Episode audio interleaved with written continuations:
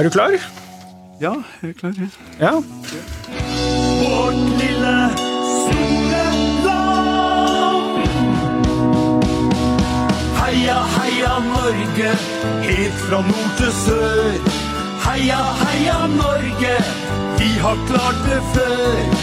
Jan Bøhler, stortingskandidat Senterpartiet. Heia Norge sang du til Senterpartiets landsmøte. Men du var jo egentlig bare rundt i Oslo? ja, men, men det var en hilsen til uh, alle rundt i landet, som den sangen her. Fordi at uh, jeg syns uh, det er viktig at alle liksom skjønner at vi i Groruddalen og vi i Oslo, vi er med på laget i hele landet. da. Og at for eksempel Senterpartiets landsmøte ser også hva vi holder på med her i Oslo. Er det en jobb du har måttet starte med? Det å lære opp Senterpartiet i at det bor mennesker i Oslo?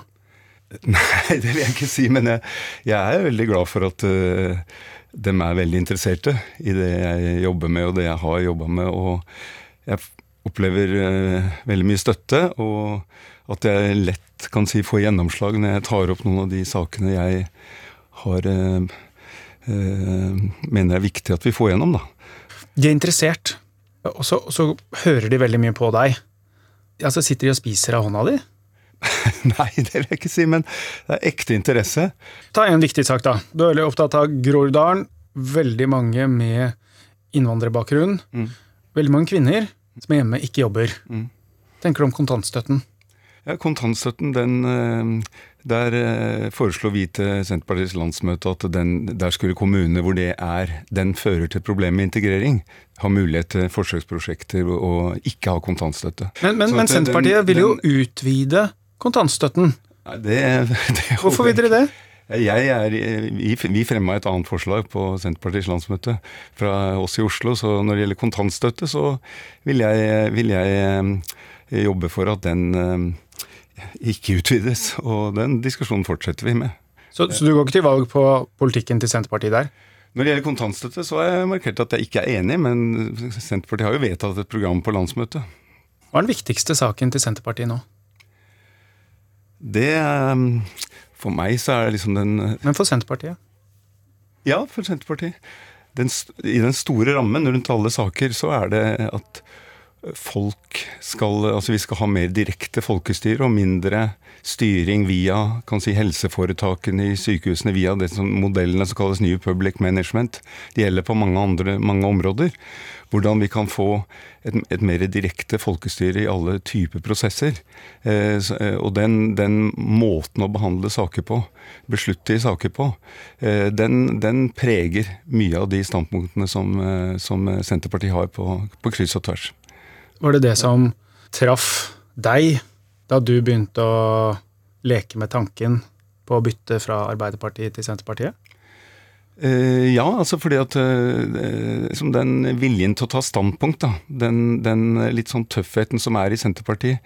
Stå for ting, ikke bare si 'det skal vi vurdere', 'det skal vi utrede', det, skal, det må de og de styrene bestemme.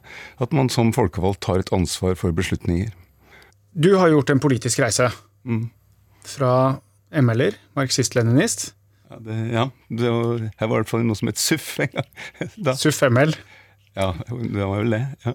eh, Arbeiderpartiet, og så Senterpartiet. Mm. Hva er neste? Nei, jeg trives kjempegodt i, i, i Senterpartiet, så nå er det ikke noe neste for meg. Er, jeg føler jeg har fått et godt fotfeste, og at det er, det eh, gir meg en veldig godt arbeidsrom. Så det, det er um, plassen for meg nå. Kan du beskrive på en måte den, den politiske reisen du har gjennomført? Ja, altså, det begynte jo med i gymnasdagene, ikke sant, med Vietnamkrigen. Vi støtta streikende arbeidere i Oslo sånn, som, eh, som da gymnaset, altså når vi gikk på videregående.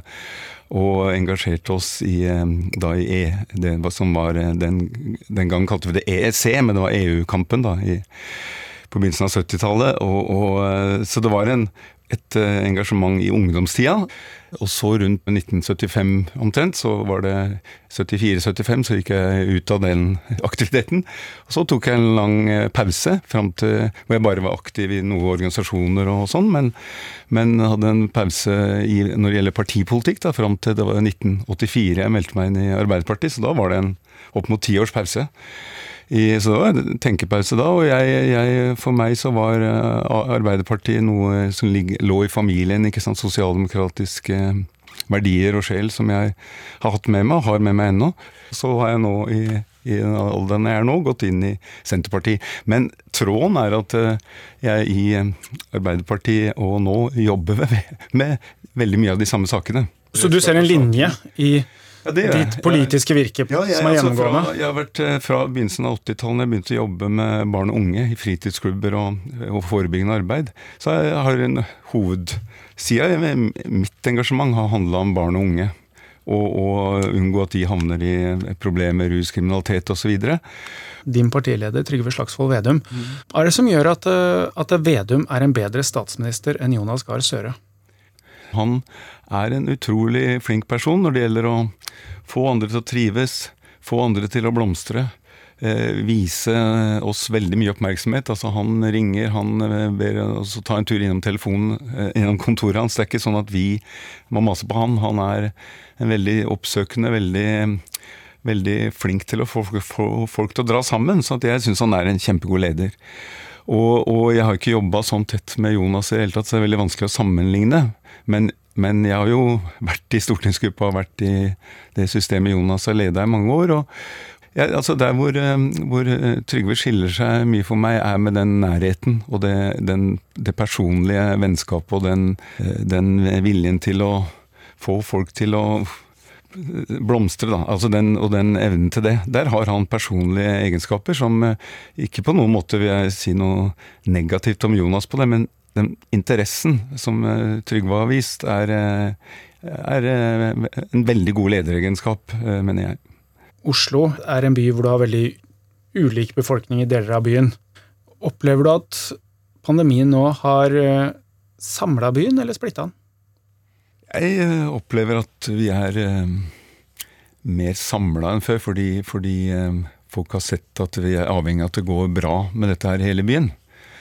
Og eh, det er egentlig ganske imponerende at det ikke har blitt masse rabalder ut til at f.eks. Eh, noen bydeler fikk, eh, har fått vaksinere sin befolkning tidligere enn de andre bydelene.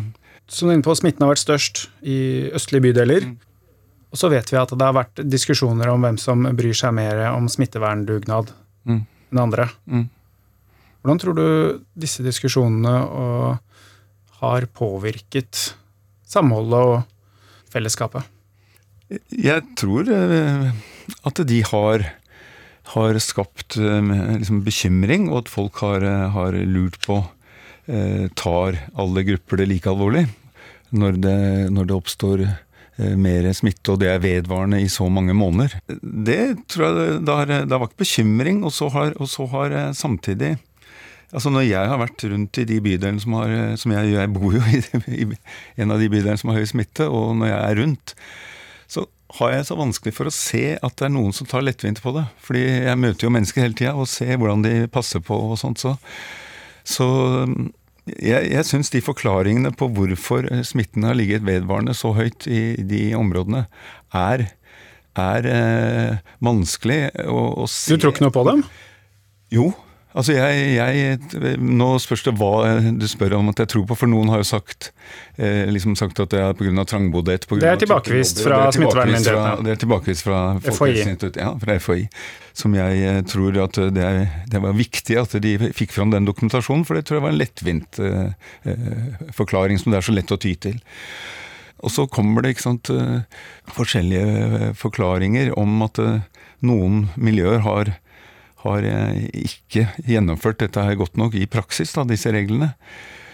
Det er så vanskelig for meg å altså, vite det, for jeg har ikke sett det. At de eh, har gitt plaffen i det på noen måte.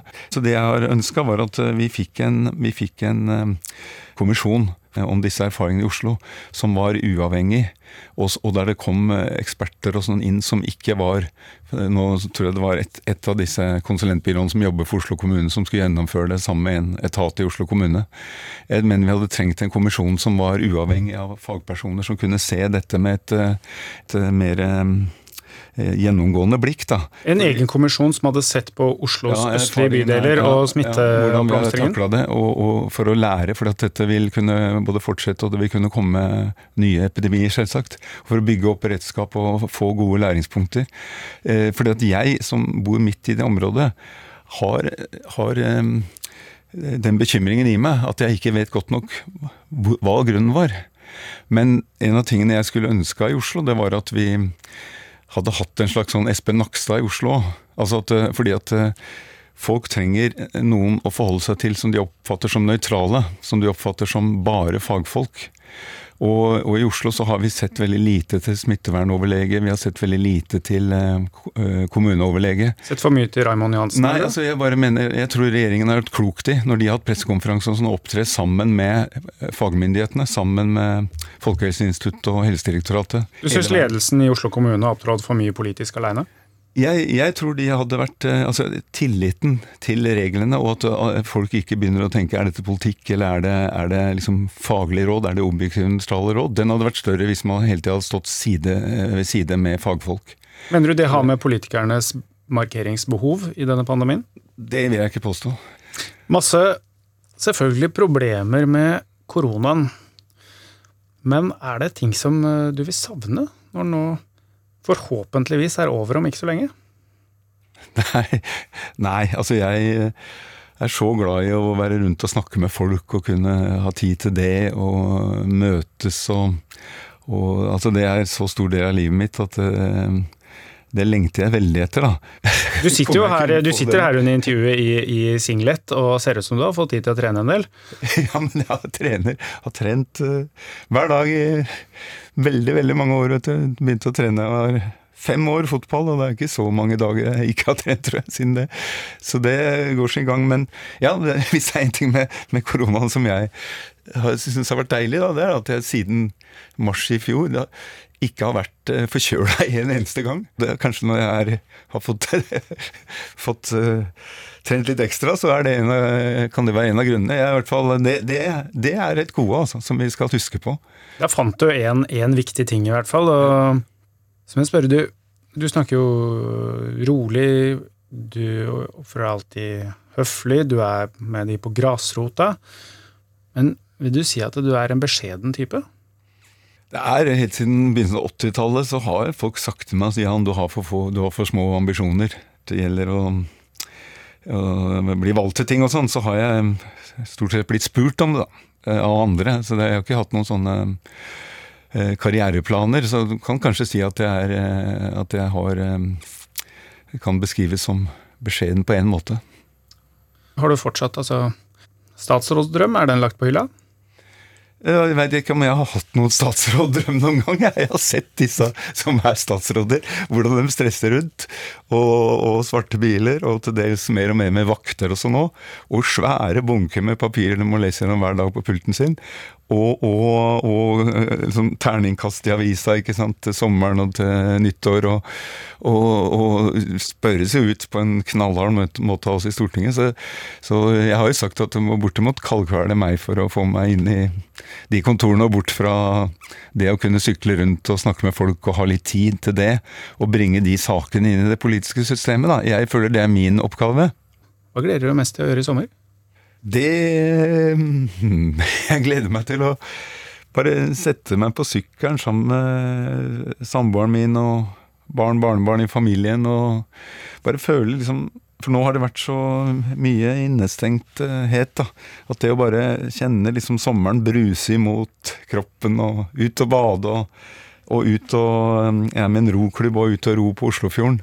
Nå begynner folk å reise igjen, men jeg er ikke den som står i køen for å reise først. fordi at det, det er så mye fint her i Oslo. Bare komme seg på sykkelen inn i marka, finne et badevann. Du trenger ikke å ta hele landet i bruk engang, du. ikke for å kose meg med å Nei, det trenger jeg ikke. Ønsker jeg en god sommer. Tusen takk. Seieren er vår. Samme hvordan det går.